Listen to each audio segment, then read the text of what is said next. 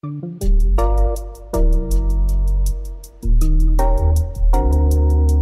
Welkom bij Culturele Bagage, de wekelijkse podcast van de Volkskrant waarin we je bijpraten over nieuwe series, films, boeken en andere popculturele verschijnselen die het maatschappelijk debat gaan bepalen of jouw blik op de wereld kunnen veranderen. Mijn naam is Esma Linneman en in deze aflevering gaan we het hebben over Nepo-babies.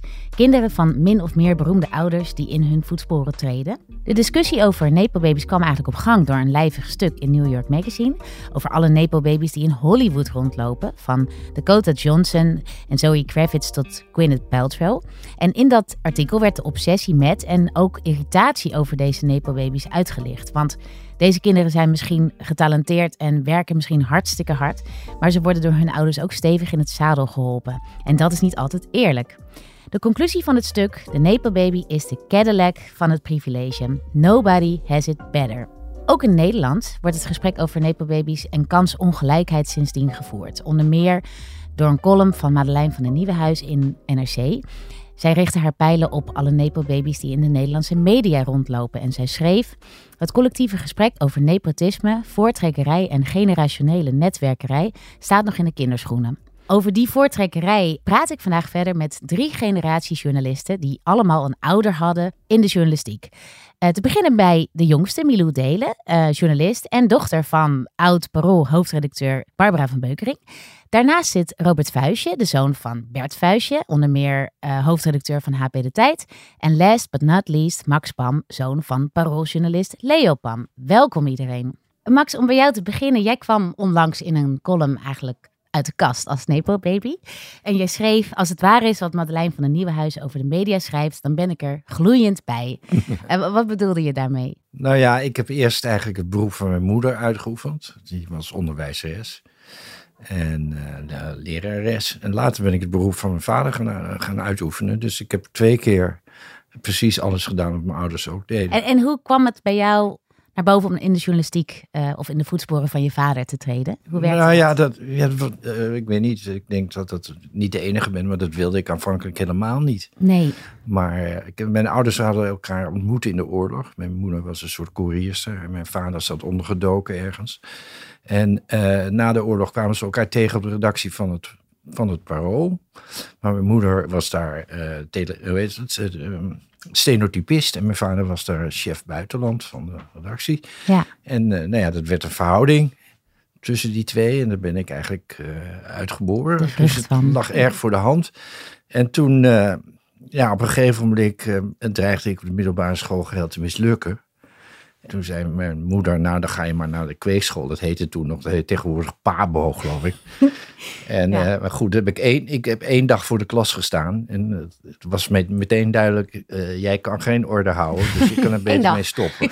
ja, één, precies één ja. dag. En nou ja, goed, toen zei mijn vader, nou ja, als je dat ook niet wil, kun je misschien journalist worden. Want er is in Utrecht een school voor journalistiek in het leven geroepen. En uh, toen heb ik examen gedaan en uh, ja, daar ben ik voor geslaagd. Maar toen ik van die school kwam, toen dacht ik, ja, ik wil eigenlijk helemaal geen journalist. Ik, wil ook geen, ik wilde eigenlijk niks. Ik wilde gewoon een eeuwige student zijn. En toen ben ik gaan studeren. En uh, dat heb ik nog heel lang volgehouden. En toen moest ik mijn kandidaatscriptie inleveren. En uh, dat heb ik toen over Watergate gedaan. Want het was politicologie, hè? Ja, Jouw, dat was politicologie. Ja. En toen zei mijn uh, toenmalige hoogleraar Misset, die zei, ja, maar dit is uh, actueel. Ja. En wetenschap is niet actueel. Dus dat kan niet. Nou, daar was ik diep verontwaardigd, want ik, ik, had er heel erg mijn best op gedaan. En toen zei mijn vader, nou, dan moet je gaan naar Bert Vuistje, die is een, is een leerling van mij. Zo gaat het dus mensen, ja. ja, zo gaat het. Dat is een leerling ja. van mij geweest op het Parool, min of meer. En uh, een hele aardige vent. En die is tegenwoordig hoofdredacteur van, HP, van de Haagse Post, heette dat toen nog. Misschien uh, kan je, want het is te lang voor de krant. Het is uh, 8000 of 10.000 woorden. Dat kan niet, zegt een scriptie. Nou, en toen heb ik dus uh, Bert Vuijsje gebeld. Dat is jou misschien niet onbekend. en uh, die zei, kom maar brengen. Ik zit bij Café Zwart. En toen ben ik dat stuk gaan brengen. En uh, de eerste weken hoorde ik niks. Ik dacht, nou, vindt dus kennelijk niks. En in de derde week pakte ik HP uit de standaard. Toen bleek het de cover story te zijn. Oh ja, oh, dat is ook bizar. Dus jou niks verteld eigenlijk, ja. en toen dacht ik, ja, wat, uh, moet ik doorgaan met mijn studie? Ik, ik ben van vanaf vandaag eigenlijk journalist. Ah, dus, ja. En zo En is het eigenlijk gekomen. Toen was de journalist geboren. Ja, ja. En hoe kijk jij nou tegen deze discussie aan? Ehm, want je hebt er dus ook een column over geschreven. Nou ja, ik, ik zie de familie als de beste manier om kennis door te geven. Ja. Ik bedoel, eh, wat what's the problem? Ja, de, eh, geprivilegieerd tuurlijk, maar dat betekent niet dat anderen achtergesteld hoeven te zijn. Nee. En het is duidelijk dat als jouw uh, ouders acteur zijn bijvoorbeeld, of, of uh, uh, Formule 1 coureur, ja, dan krijg je het uh, met je paplepel, Paplepel ingegeven. ingegoten, Dan kan je wel ja. net doen alsof dat niet zo is, maar... Maar eh, je moeder leert je vanaf de e-, dag één al hoe je hoe je, je moet gedragen. Dus het, het, het spreekt zo vanzelf. En het is volkomen on- onzinnig om je daartegen te verzetten, volgens mij. Ja. Wat vindt u dan van de discussie? Die, vindt u het nu, u denkt eigenlijk, waarom hebben we dat gesprek überhaupt? Nou, ik vind wel, het is een, eh, een grappig onderwerp. Een typisch Amerikaans onderwerp. Hè, dat helemaal in de, in de wok of woke de traditie valt. Dus eh, nou ja, ik kijk daarnaar en dan eh, eh, En- haal ik een beetje mijn schouders over op. En Want- denk, ja, dat is niet helemaal serieus. Want Milou, oh ja, jij... bijzonder. Ja, nou, dan kijk ik heel anders naar. Oké, maar ja. nou, eh, door naar jou, naar Ja, Milou. daarom zit ik hier. Ehm, Um, ja. Want nou, als ik het goed begrijp, eh, ik noemde net al het stuk van eh Madeleine. En eh, ik kreeg het idee dat jij daarin werd genoemd. Nou, dat was wel duidelijk. dat is al duidelijk, toch? Eh, Toen ze het had over een feministische journalist, dochter van een voormalige hoofdkrantredactrice. Ja. Ehm, voelde jij je aangesproken? Eh, ja, tuurlijk. Want Ja. Het, het ging dus denk ik over mij. Dus ik Ja. voelde me sowieso aangesproken. En wat, maar hoe was dat voor jou om zeg maar, in die discussie gezwengeld te worden? Niet met naam en toenaam, maar wel. Ja, ik denk dat heel veel mensen in de media dan wel weten over wie deze namen gingen. Maar Ja. ja. ja, hoe ik dat vond. ehm, ja, ik heb dat gesprek heel vaak met mijn moeder en Ja. eh, met vrienden. Dus dat voelde niet oncomfortabel. Want ik ben gewend om dat gesprek wel te voeren. Ja, Over privileges. En daar hoort dit natuurlijk ook eh, bij. Dus ja. ik eh, vond dat prima. Ja. Nou, Madeleine van den Nieuwenhuizen zegt eigenlijk, in tegenstelling tot, tot jou, Max, van zolang er mensen zijn wiens kinderen ook weer een seat at the table krijgen, betekent dat dat er geen plaats is voor andere mensen eigenlijk. Zij zet het heel erg op scherp in de media dan. Ehm, Herken jij je in deze kritiek of wat vind jij daarvan? Kijk, natuurlijk is dat zo. Dus natuurlijk ben ik een Nepo-baby. Want eh, ik heb bepaalde privileges die andere mensen misschien niet hebben of minder hebben. En dat komt omdat ik, ja, als het dan gaat over de media, mijn moeder eh, is voormalig hoofdredacteur, nog steeds eh, schrijver en journalist. En dat ik het privilege had dat er elke zaterdag zeven kranten op tafel lagen. Dat ik al heel vroeg wist wie de hoofdredacteur was van Volkskrant Magazine tot allerlei soorten media. Dat ik dat van huis uit meekreeg. Dat brengt bepaalde privileges met zich mee. Dat je Ja. dat weet. Dat je Ja. dat Zie het niet Ehm, als een privilege, het is gewoon kennis die je opdoet. Ja, en dan, en dat- moet je, dan moet je Ja. eh, kennis zien. Het vergaren van kennis zien als iets wat privileges is. Maar, Ja, maar daardoor krijgen denk ik wel bepaalde naar. groepen in de media meer kansen. Dus dat is wel denk ik een privilege, want dat, dat is dan een voorrecht, dus een privilege. Dus ja, wel denk ik van, het is een seat of the table, niet voor iemand anders. Dat is waar, maar wat kunnen we daaraan doen? Want wat kan ik daar als Nepo-baby aan doen op het moment dat jij de journalistiek in wil? Of dat jij ook acteur wil worden? Mhm. Dat ja. vraag ik me wel af. Ja, ja, ja. En wat ik denk het begin daarvan is, is het erkennen. Eh, en vervolgens, wat doe je ermee? Ja, want op Ja. Twitter en op de socials Ja. wordt soms ook een beetje een flauwe discussie gevoerd. Alsof die ouders allemaal een soort wandelende kruiwagens zijn. Maar dat, ja, want Ja, dat, zo en zo dat zit ik bij jou mezelf. vragen. Hoe zie jij dat? Nee, Ja. want ik heb, denk ik, ik kan, nee, ik denk dat ik nooit heb gezegd, nou, mijn moeder is Barbara van Beukelen, kunnen wij een keer... Ja. Zo is het gewoon echt niet gegaan. maar zo, nee, natuurlijk gaat het niet zo. Nee, maar, mensen, niet. maar mensen weten het wel. nou, in het begin denk ik niet, want... je ik, hebt een andere achternaam. Of Ja, ik- ik heb maar een dan an- weten mensen die in daarin zitten, weten natuurlijk nog steeds dat, dat jij ja, haar dochter precies. bent. Ik denk in het begin eh, heel weinig, want ik belandde ook op een bijzondere manier in de journalistiek. Dus in het begin denk ik niet, maar nu inmiddels wel. Dus bij mijn eerste werkgever zeiden ze juist na een half jaar... Huh, ben jij de dochter van Barbara van Beukering? Huh? In de journalistiek. dat Wisten was zij- bij Vice, denk ja, ik. bij. Ja, waar ik, ja, ja. ja, dus, dus daar wisten ze het bijvoorbeeld niet. Ja, maar nu inmiddels denk ik wel. Ja. En, eh, Nou, de luisteraars thuis hoorden al de stem van Robert Vuistje, de zoon van Bert Vuistje, wiens Ja. naam ook al werd genoemd. Ja, klopt. Ehm, ja. En jij schrijft, ik zie jou ook wel als een journalist die veel schrijft over, nou ja, sowieso diversiteit en een kansengelijkheid. Mhm. Maar hoe zit dat bij jouzelf? En zou jij jezelf omschrijven als een Nepo-baby? En- Nou ja, zeker aan het begin Ja, wel. ja. Eh, dus ik denk dat het bestaat uit twee, zeg maar, twee aspecten. Dus enerzijds dat je kansen krijgt die een ander misschien niet had gekregen. Ja. Op ik geloof, nou, de eerste plek waar ik werkte was, ik wilde nadat ik gestudeerd had, dit was eind jaren negentig, wilde ik heel graag bij eh Nieuw Revue werken. Wat toen nog een, ja, toen een ja, best een groot tijdschrift eh, was. En ik heb daar Maar daar was je vader helemaal niet voor, volgens mij. eh, nee, die vond het Nee, te vond- ordinair. Of ja, precies. ja. Eh, Ging niet echt voor liggen? Of, eh, Nee, maar ja, ik wilde niet. eh, hij werkte, had bij, inderdaad bij HP gewerkt en was weer naar de Volksstand en weer terug naar HP. Dus dat waren twee plekken waar ik sowieso niet eh, wilde. Eh, en dit was eh, ja, voor jongeren een, spannend tijdschrift. En ik, ik kreeg daar een stage, terwijl ik, die stages hangen meestal samen met een studie. Alleen mijn studie was al afgerond en ik had een jaar eerder had ik al iets voor ze geschreven. Dus ik kreeg ja, zeg maar een losse stage die ja, iemand anders misschien niet, Ja, zo niet had het. gekregen. ja. Zo is het Eh, met mij eigenlijk ook gegaan. En, na, want- en daarna mocht ik, eh, of nou, dat ging goed en daarna mocht ik blijven. Eh, dus ik kan me voorstellen dat anderen denken, ja, waar, eh, ja die stage had ik niet, niet kunnen krijgen. Dus je- de- op die manier kom je, ja. nou ja, daarna ben ik daar, terwijl ik dat niet gewild had, ben ik daar tien jaar gebleven, omdat ik niet, niet, verder, niet verder kwam. En eh, dus ik zie zeg maar, het begin van mijn nou ja, loopbaan. Zeker als eh, nou ja, dat daar iets gebeurde wat een ander niet had Mm. kunnen gebeuren. Ja. En nou ja, weer tien jaar daarna, zeg maar in die jaren dat ik daar niet, niet wegkwam, maar wel nou ja, ambitie had, ben ik een, een roman gaan schrijven. En dat was dus weer tien jaar daarna. Eh, en alles wat daarna is gebeurd, is denk ik op basis van dat mensen mij kennen van die roman. ja, en, die, Maar ja, het, het begin is wel, zonder het begin had ik ook niet ja, Ja, al die kennis kunnen eh, vergaren. Eh, dus ik zie het als nou, dat het begin makkelijker voor mij was, maar daarna, Ja, is je het- moet het zelf doen. ja, ja, ja, ja. Ja, dat, dat, kan Ja, wel, en dat je kan. ouder hebt aan wie je advies kan vragen. Want dat heb ik in het begin in de journalistiek wel heel veel aan mijn moeder kunnen doen.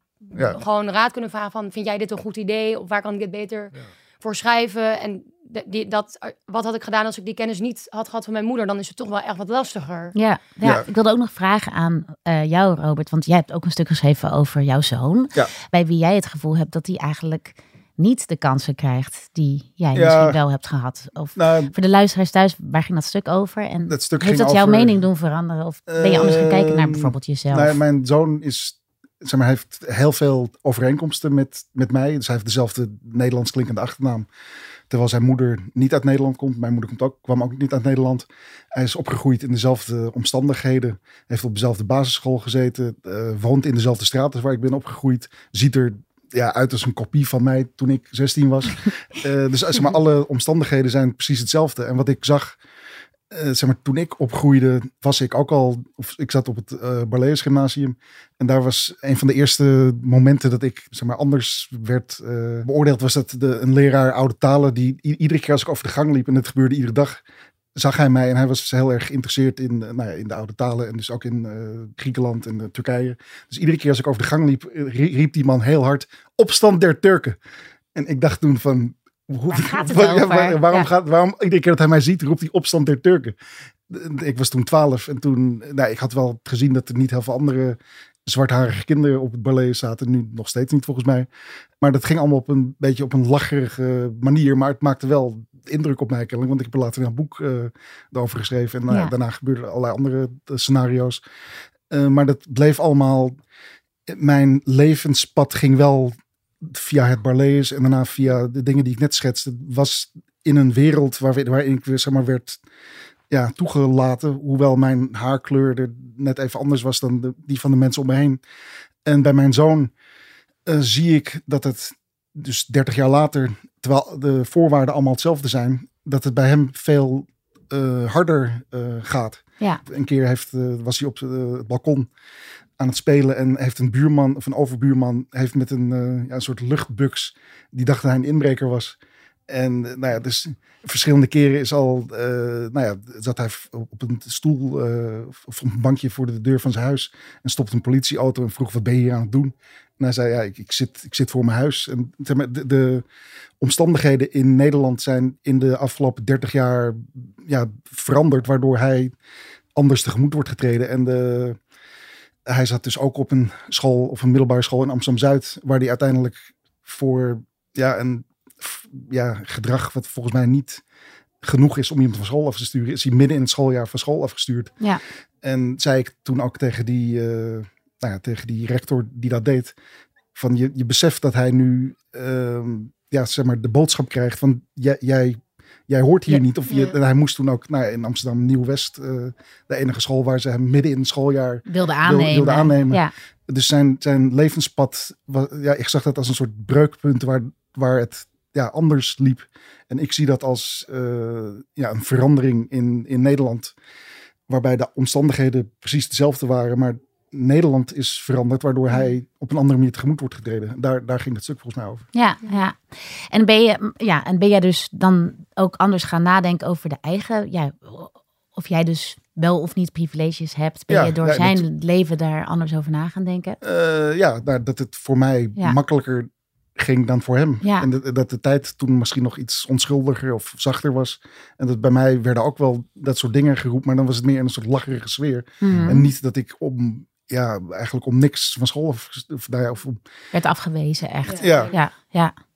Max, jij had het in jouw column ook over een, een terecht punt. Namelijk dat ouders gewoon het beste willen voor hun kinderen eigenlijk. Hè? Ja, ja. Dus dit lijkt mij ook niet een discussie over ouders. Want ik begrijp heel goed dat ouders hun kinderen... ja, dat is, eh, dat is zelfs een, eh, een opdracht van de ouders. Ja, Dus ja het precies. is helemaal niet iets. eh, eh, de, de ouders in principe doen ouders dat ook helemaal vanzelf. Want, eh, de, de bescherming van je kinderen zit natuurlijk ook in het genetisch materiaal op de een of andere manier. Ja, wat ik eh, me heel erg kan voorstellen is dat ouders misschien niet altijd één op één een kruiwagen zijn, maar je wel het gevoel kunnen geven dat een carrière in de journalistiek of überhaupt een kunstzinnig vak eh, mogelijk is. Eh, vind jij dat ook, Milou? Of Ja, herken je. Ja, Ja, alleen al dat, mijn, dat het feit dat mijn moeder zo'n carrière had, dan heb je al een rolmodel in je, in je precies. gezin. Ja, En we ja. weten allemaal hoe, hoe belangrijk de rolmodellen zijn. Dus, Ja. En dat zij ook, ik wilde ook nooit de journalistiek in. En zij moedigde dat juist heel erg aan. En alleen al dat zij dat aanmoedigde, van ja, jij moet juist de journalistiek. En toen ik 14 was, Ja. dat vind ik ook al heel veel zeggen. En ik wilde dat nooit, want ik dacht, oh, ik wil niet mijn moeder achterna.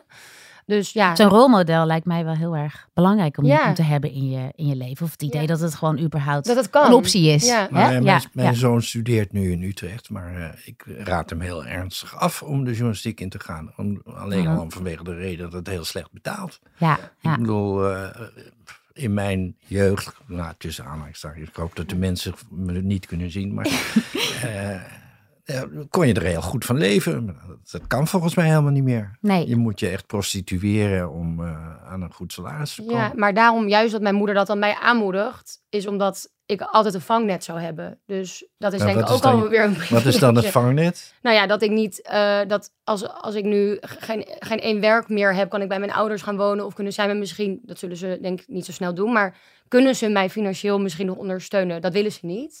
Maar dat alleen al, dat je dat, die zekerheid hebt, eh, Hm. dat is ook, een, daarom was voor mij wel, een- ik ben de journalistiek echt ingerold, maar het was wel een veilige keuze. Ja, want als je bent opgevoed, zoals misschien ook wel een beetje bij mij, echt zonder geld, dan ben je dus echt heel bang voor, eh voor En rekeningen. dan ga je Ja. niet misschien journalistiek eerder studeren. En dan is die omdat je best wel denkt, groot, Oh ja. ja, en dat, Ja. Heb ik niet, dat heb ik niet gevoeld. Ja, Nou ja, precies. wat volgens ja. mij wat het risico dus met zich meebrengt, is dat op een redactie zoals deze, dat daar bijna voor het grootste deel kinderen uit een bepaalde sociale klasse van redelijk hoogopgeleide, Mhm. welgestelde ouders zo'n krant maken. Dus daardoor zie je de blik van, of zie je één blik op, op Nederland. Ja. En eh, Ja. dat is alleen al, zeg maar, commercieel lijkt me dat niet handig. Want je Nee, potentiële publiek is natuurlijk veel groter dan, dan eh, welgestelde die- kinderen. Ja. eh, Ja, maar die, die welgestelde kinderen hebben ouders die dan weer kranten lezen. En dat Ja. is natuurlijk weer, Ja. ook weer een probleem. Ja, en wat ik zelf dan ervaar als een probleem is niet zozeer de Nepo-babies. Want de mensen die ik ken die tot die categorie worden geschaard zijn vaak ontzettend getalenteerd en hardwerkend. Dat wil ik even gezegd hebben. Eh, ook naar jullie toe. Nou, gelukkig. ik denk soms wel eens, mijn probleem is een beetje, wat verstaan we onder kwaliteit? Want wij hebben hier op de krant een idee van wanneer iets een goed stuk is, zeg maar. Wanneer, iets, wanneer de toon juist is. En dat zie ik vooral, dat wanneer er mensen vanuit andere achtergronden aan de deuren eh, kloppen hier met eh pitches en ideeën. Die vallen soms buiten die toon of buiten bijvoorbeeld de lichte vorm van ironie die we allemaal zo leuk vinden. Ja. En die krijgen, en die worden, ja, dat lukt dan Sneuvelt niet. al meteen. Dat sneuvelt. ja. Begrijpen jullie wat ik bedoel? Ja, en is dat een probleem? Of vind jij dat- dat geen probleem? Ik denk dat de, de Ja. letterlijke kruiwagen dat mensen je sneller een kans zullen geven. Dat is het eerste. Maar wat misschien nog belangrijker is, is dat je inderdaad allerlei of ja, ja, dingen weet die iemand anders niet kan weten. Ja, En ik, ja, ik zou niet zo snel een detail kunnen noemen, omdat het zo nauw luistert van wat je dan precies weet. Maar dat je, ja, dat is natuurlijk een enorm voordeel boven iemand die vanuit het nulpunt eh, datzelfde wil gaan proberen. Ja, Maar, maar- dan, ja. dan degene die uit een nulpunt begint, die moet eh, enorme ambitie hebben om dat te kunnen doen. En Zo, ja. Soms heeft dat, eh, vind ik dat, eh, zou dat een enorm voordeel kunnen zijn. Want als je die ambitie hebt of die, die gedrevenheid hebt, dan kun je later eigenlijk iedereen verslaan. En ook diegene die al die. eh, dan moet je wel Die dus die kansen krijgen. hebben, bij wijze maar dan moet je dus wel die kansen krijgen. En- nou, dat is ook iets wel. Ja, hard en werken, dat maar- betreft ben ja. ik een beetje een oude kapitalist. Maar in dat, dat je moet is je invechten. je moet je ook invechten en het kan heel gunstig zijn om eh, in je leven, als je carrière wil maken, enige tegenstroom te hebben en tegenwind. Want, eh, want wie dat overwint, die, eh, ja, die, die, die- volgens mij ligt de wereld daar een beetje voor. Dat is wel een beetje de oude Amerikaanse droom. En die moet je ook niet overdrijven. En het kan ook best gestimuleerd worden, al die groepen die eh, onderaan staan te rammelen aan de deur. En die moeten ook toegelaten worden. Maar dat wil helemaal niet. Er is een heel. Ik, ik, ik zal je een voorbeeld geven van iets wat, ik, wat er misschien in vaag mee te maken heeft. Er was een tijdje, is er een wetsvoorstel geweest. Heeft, het klinkt helemaal alsof het er niks mee te maken heeft. Van, om het broodje kaas, wat je in de kantine van bedrijf, bedrijfskantine kunt eten, om dat te belasten. Want men vond dat niet eerlijk. Dat mensen die bij een bedrijf werken, een goedkoper broodje kaas krijgen of een goedkoper broodje kroket dan iemand die niet bij een bedrijf werkt en dat zelf moet gaan halen. Begrijp je? Mm. Dat vonden ze oneerlijk. Maar er zijn bepaalde vormen van oneerlijk. Die gaan, die gaan zo ver. En als je dat allemaal wilt oplossen, krijg je een eindeloos systeem van eh, toelagen en toeslagen. En, weet je, en dan is het leven wordt volkomen onmogelijk volgens mij. En zo hebben bepaalde mensen hebben inderdaad bepaalde, nou, niet eens voorrechten, maar die, die hebben een voorsprong als ze aan iets beginnen. En daar kunnen we toch iets aan is- doen. We kunnen dat toch... Ja, dan moet je die andere mensen die achter staan, die moet je zorgen dat die middels goed onderwijs, want er- het is net hetzelfde probleem met bijles. Maar dus de verantwoordelijkheid ligt eigenlijk bij diegene. Niet, niet bij de... Want dat, ik De, nog... de, de verantwoordelijkheid ligt bij degene die dat systeem van onderwijs inrichten, natuurlijk. Ja, precies. Want ik zit toch nog even met dat woord dat u in het begin van het gesprek zei... dat u dat, u dat nepotisme een grappig onderwerp vindt en what's the problem. Maar als we zo dit gesprek voeren, dan is het toch...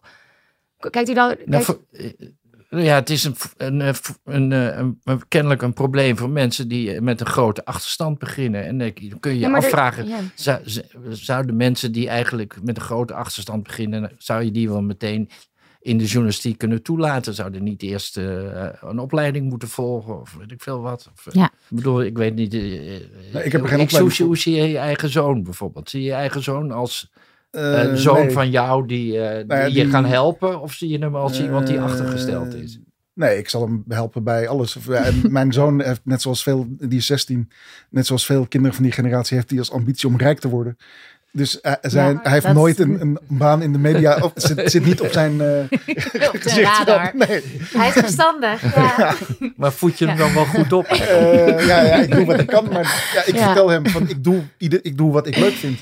En mijn doel in het leven is niet om zoveel mogelijk geld te verdienen. Maar, ik, maar om een prettig leven te hebben. Eh, maar ja, hij zegt dan van ja, maar ik, een prettig leven betekent ja, daarvoor moet je rijk zijn. Oké. Eh, En heeft hij enig idee hoe je dan rijk ja, wil worden? nee, op die vraag komt nooit een antwoord. Oh, ja. Nou ja, Ja, de discussie nou ja, over kansgelijkheid is- waar. Het is gewoon hartstikke ingewikkeld. Ik las laatst een stuk in NRC dat ging over dat de loting bij geneeskunde, geneeskunde, was afges- afgeschaft, vijf jaar geleden.